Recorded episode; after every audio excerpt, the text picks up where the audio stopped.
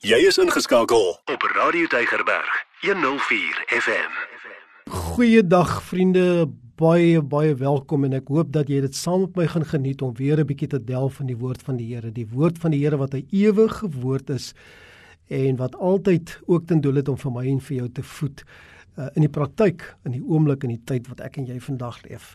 En ons gaan vandag lees as jy jou Bybel nou byderhand het uit uh, Filippense, 'n brief van Paulus en ons gaan lees daar uit hoofstuk 4 uit en jy gaan sommer nou nou sien dis 'n baie bekende gedeelte met 'n baie belangrike vers vir jou en vir my in. So kom ons lees saam. As jy gereed is, ons lees van vers 10 af. Ek het my grootliks verbly in die Here dat julle nou eindelik weer opgeleef het om aan my belange te dink waaraan julle ook gedink het, maar julle het die geleentheid nie gehad nie. Nie dat ek dit uit gebrek sê nie, want ek het geleer om vergenoeg te wees met die omstandighede waarin ek is. Ek weet om verneder te word, ek weet ook om oorvloed te hê. In elke opsig en in alle dinge is ek onderrig om versadig te word, sowel as om honger te ly, om oorvloed te hê, sowel as om gebrek te ly. Ek is tot alles in staat deur Christus wat my krag gee. Nogtans het julle goed gedoen toe julle deel gehad het in my verdrukking. En julle Filippense weet ook dat aan die begin van die evangelie, toe ek van Macedonië vertrek het, geen gemeente deel gehad het in my rekening van uitgawe en inkomste nie behalwe julle alleen. Want ook in Tessalonika het julle vir my behoefte meer as eenmal iets gestuur. Nie dat ek die gawe soek nie, maar ek soek die vrug wat oorvloedig word op julle rekening. Maar ek het alles ontvang en ek het oorvloed. Ek het dit volop nadat ek van Epafroditus ontvang het wat deur julle gestuur is, 'n lieflike geur, 'n welgevallige offer, welbehaaglik by God. En my God sal elke behoefte van julle vervul na sy rykdom in die heerlikheid deur Christus Jesus. Aan ons God en Vader die heerlikheid tot aan alle ewigheid. Amen. Hemelse Vader, Ons wil begin vanoggend ook met hierdie woorde aan ons God en Vader die heerlikheid tot in alle ewigheid. Mag dit so wees Here dat in die lees en die verduideliking, die praat en die gesels oor die woord van U ons aan U al die eer en die lof en die aanbidding sal bring. Vader, ontvang ons teenwoordigheid ook vanoggend voor U. Ontvang ons aandag en ons luister ons hart en ons verstand tot U eer. Ons bid dit in Jesus wonderlike naam. Amen. Vriende, my vermoede is dat Filippense 4 vers 13 ten minste een van die gunsteling Bybelverse is vir die meeste mense wat nou luister. En om hierdie woorde te kan verklaar, ek is tot alles in staat deur Christus wat my die krag gee, doen hom maar eenmal iets hier in 'n mens se binneste. Enige persoon wat deur 'n moeilike tyd gaan, selfs iemand wat dalk nie so getrou in sy of haar geloofslewe is nie, sal maklik hierdie woorde verklaar en 'n sterk geloof hê dat omstandighede sal verander tot die beste. 'n Persoon mag dalk self skuldig wees aan dit wat nou die omstandighede veroorsaak het, maar sal tog steeds hierdie woorde verklaar dat hulle tot alles in staat is en dan nog byvoeg dat dit deur Christus is wat krag gee. Dat hulle veral glo dat hulle dat dat ek tot alles in staat is. En wanneer ons Bybelverse gebruik as ek wil amper dit noem goedkoop almoses wat die boemelaars omstandighede net ten minste op die kort termyn moet laat verdwyn wat met ander woorde net gego die die magie moet volmaak dan staan ek en jy die gevaar dat ons eintlik ten gronde gaan omdat daar geen voedingswaarde is in die Bybelvers buite sy verband nie buite sy konteks buite buite dit wat hy eintlik bedoel nie. En ek gebruik die woord boemelaars omstandighede omdat ons in omstandighede beland waar ons ook kan voel maar ons kan niks vir onsself doen nie. Waar ons afhanklik is van ander mense om die omstandighede vir ons te verander. Waar ons bid voor die Here en smeek dat hy tog moet ingryp. Ons staan as dit ware bakkant soos 'n boemelaar vir 'n almoes. En in hierdie bakkant staan aanvaar ek en jy sommer maklik 'n quick fix Bybelvers wat ons vinnig moet laat beter voel. En hierdie almoes Bybelverse laat ons gewoonlik beter voel, maar dit het nie noodwendig langtermyn substansie nie want ons gebruik dit buite die konteks, buite die bedoeling waarvoor dit eintlik aanvanklik geskryf is. Nou ek hoop dat jy met die hulp van die Heilige Gees vandag by die ware betekenis van hierdie spesifieke vers saam met my kan uitkom. En en ek wil graag hierdie boodskap noem die ryk boemelaar. Soos wat ons aangaan, glo ek sal jy my titel ook sommer verstaan. Nou in vers 10 begin Paulus met die woorde: Ek het my grootliks verbly in die Here dat julle nou eindelik weer opgeleef het om aan my belange te dink, waarin julle ook gedink het, maar julle het die geleentheid nie gehad nie.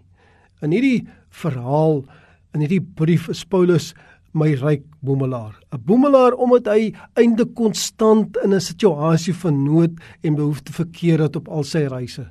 Paulus bedank nou hierdie Filippense gemeente vir die almoes wat hulle vir hom gestuur het, maar hy begin onmiddellik om aan die Here die eer daarvoor te gee.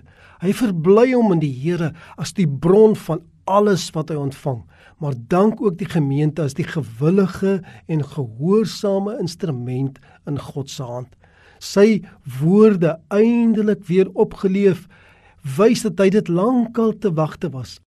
Eindelik het hy lankal gehunker en daarna as gevolg van sy persoonlike nood Die woorde in van die Engelse vertalings wat hier gebruik word sê eintlik your care of me flourished again. Dis binne soos 'n plant wat in 'n seisoen, sê net maar in die winter nie eintlik lewe toe nie, dis nie groen nie, dit dra nie vrugte nie, dit dra nie blomme nie, maar nou in 'n gunstige seisoen in die lente en in die somer word dit weer groen en dit groei en dit toon lewe en dit dra blomme en dit dra vrugte. En dit is hoe Paulus eintlik sien dat dit is wat nou gebeur het in die gee van die Filippense gemeente van 'n almoes na na sy kant toe maar hy stel dit onmiddellik dat ten spyte van die lang wag hulle nie skuldig staan aan versuim nie want Paulus weet dat hy op hulle gedagtes is. Met ander woorde hy is hulle gedagtes hy is aan hulle gebede hy is op hulle harte. Hy sê ook waarin julle ook gedink het.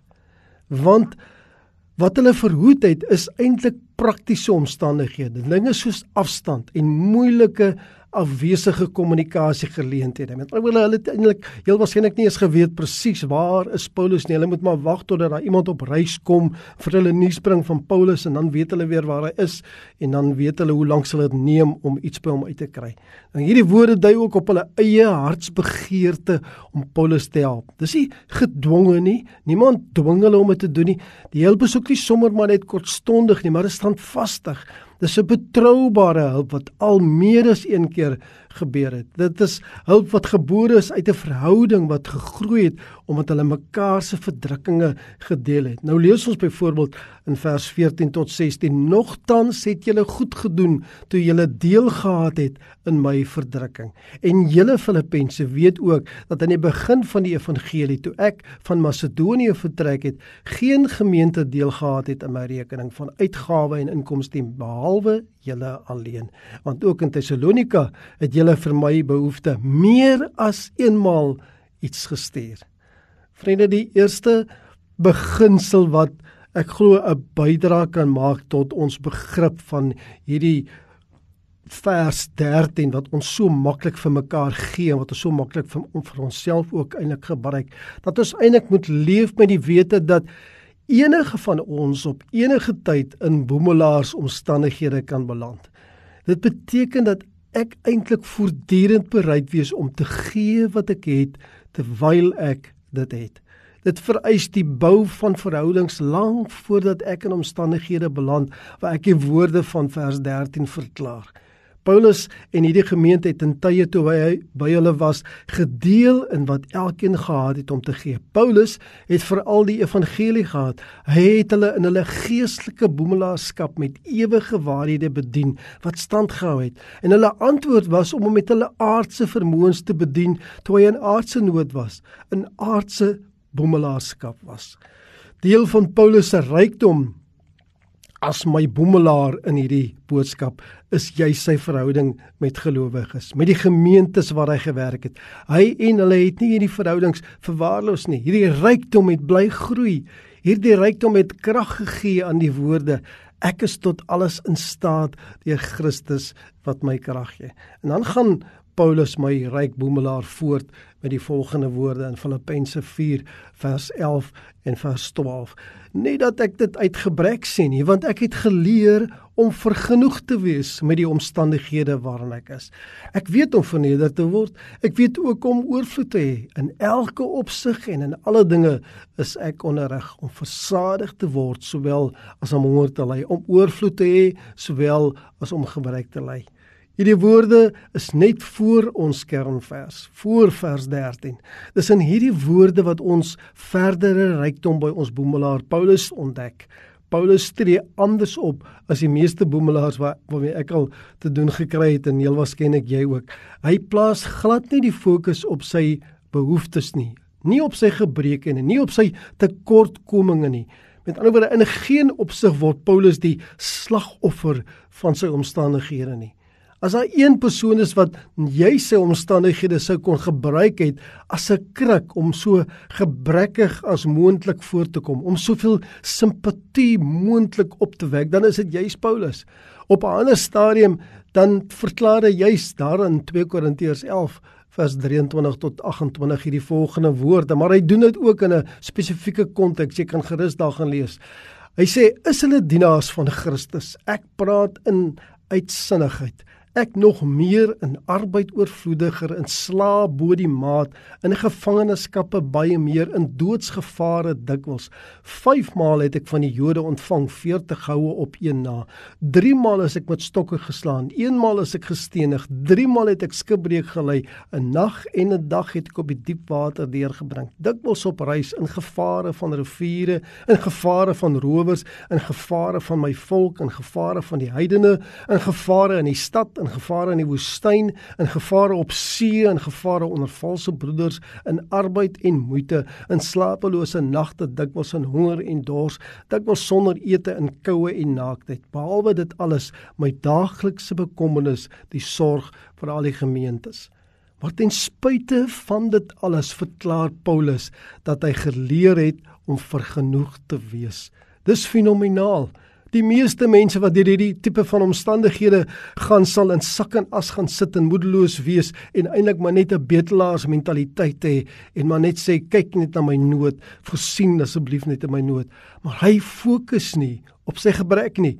Om iets te leer neem dikwels tyd en gaan gepaard met baie uitdagings, veral wanneer ons uit die handboek van die lewe leer waar ons dinge moet ervaar om te leer, nie net daarvan lees nie. Ons skryf as dit ware ons eie lewenshandboek van lesse geleer soos wat ons met die lewe aangaan. Paulus het dit ook gedoen en nou kan ons daaruit leer mits ons bereid is om Paulus natuurlik te glo of dan eerder mits ons bereid is om die woord van die Here te glo en te aanvaar. Nou later skryf Paulus ook hierdie woorde. Hy sê dan vers 18: "Maar ek het alles ontvang en ek het oorvloed. Ek het dit volop nadat ek van Epafroditus ontvang het wat julle gestuur is, 'n lieflike geur, 'n welgevallige offer, 'n welbehaaglik by God." Nou as 'n as 'n tweede bydra saam met ons eerste een tot ons begrip vir vers 13 leer Paulus eintlik vir ons die volgende les. Hy sê dat dit eintlik verkeerd is om te kla oor die toedeling van voorsiening. Met ander woorde die die lot wat vir elke mens opval en wat verskillend en uniek is vir elke mens. En in die tweede plek sê hy eintlik dat 'n gees van ongeduld geen voordeel inhou nie. Geen boosheid word daardeur oorwin nie en dit voorsien in elk geval in geen behoefte nie. Met ander woorde, eintlik wil mense sê daai bekommernis wat ons het, sal eintlik vir ons niks in die sak bring nie. En dan derdens dat die Here sy verlosser hom kan voorsien op 'n manier wat hy nooit eens aangedink het nie. Nou ons kan agslaan op die woorde van Paulus, maar ook saam met dit sommer net in Spreuke 15 vers 15 lees ons hierdie woorde. Dit beklemtoon ook sommer daar uit die Ou Testament het dit wat Paulus vir ons kom leer hierso. Hy sê dit sê al die dae van die bedrukte is slegs, maar die vrolike van hart het gedurig 'n fees. En ek lees nogal ou Paulus se hart in hierdie woorde ook. En Paulus se volgende woorde kry ons daar in vers 17 tot 19 en dit gee vir ons eintlik 'n derde beginsel om vir my en vir jou te help om hierdie ek is tot alles in staat slagspreuk net beter te verstaan. Nou lees ons van vers 17 af. Nie dat ek die gawe soek nie, maar ek soek die vrug wat oorvloedig word op julle rekening. Ek wil hê jy moet gou-gou vir 'n oomblik dink aan enige boemelaar wat jy al mee te doen gekry het. Daai boemelaar se fokus is net op dit wat jy vir hom gaan gee. En Paulus sê, nee, dis nie my fokus nie. Hy sê nie dat ek die gawe soek nie. Dan gaan hy aan in vers 18, maar ek het alles ontvang en ek het oorvloed. Ek het dit volop nou dat ek van Epafroditus ontvang het wat deur julle gestuur is 'n lieflike geur, 'n welgevallige offer welbehaaglik by God en my God sal elke behoefte van julle vervul na sy rykdom in die heerlikheid deur Christus Jesus. Paulus, my boemelaar in hierdie verhaal, kom sê iets radikaals. Hy verklaar dat hy nie so geïnteresseerd is daarin dat hy iets ontvang nie, maar dat dit die een is wat gee wat 'n beloning ontvang. Nou kom ek verduidelik dit miskien vir jou soos volg. Hoe sal jy daarvan hou dat wanneer jy vir 'n boemelaar met wie jy bevriend is, 'n R20 gee, daar onmiddellik R40 terug is in jou bankrekening? Dit sal definitief 'n paar mense aanspoor om meer te gee. Maar die voorwaarde is natuurlik dat al drie beginsels waar moet wees, nie net die derde een nie.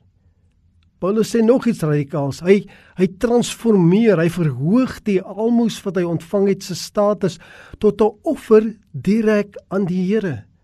Nie sommer enige offer nie, maar 'n offer wat voldoen eintlik aan die standaarde van die Here, 'n lieflike geur, 'n welgevallige offer, welbehaaglik by God.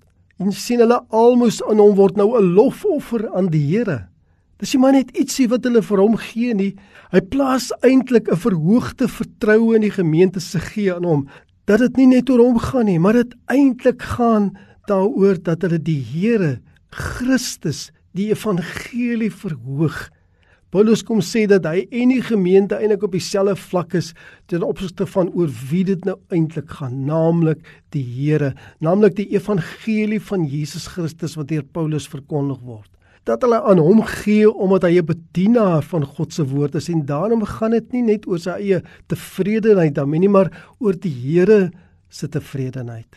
Ons derde beginsel wat 'n bydra maak tot ons begrip vir ons ek is tot alles in staat verklaring is dat ons in ons swaar kry in ons nood steeds ons fokus plaas op die Here dat hy verheerlik sal word bo alles wat ons vir onsself mag begeer in ons nood. Ek en jy kan soos Paulus ryk boemelaars word as ons hierdie vers in die regte konteks plaas waaroor dit gaan en nie onsself en ons nood nie maar eerder oor die Here en die gehoorsame menslike gewers. Nou as ek nou hierdie beginsels net vir my en vir jou kan opsom, dan sal ek sê eerstens bou verhoudings met ander mense deur te gee wat jy het met die wete dat jy ook enige tyd 'n boemelaar kan word. Eerste beginsel is dat ons bou aan verhoudings.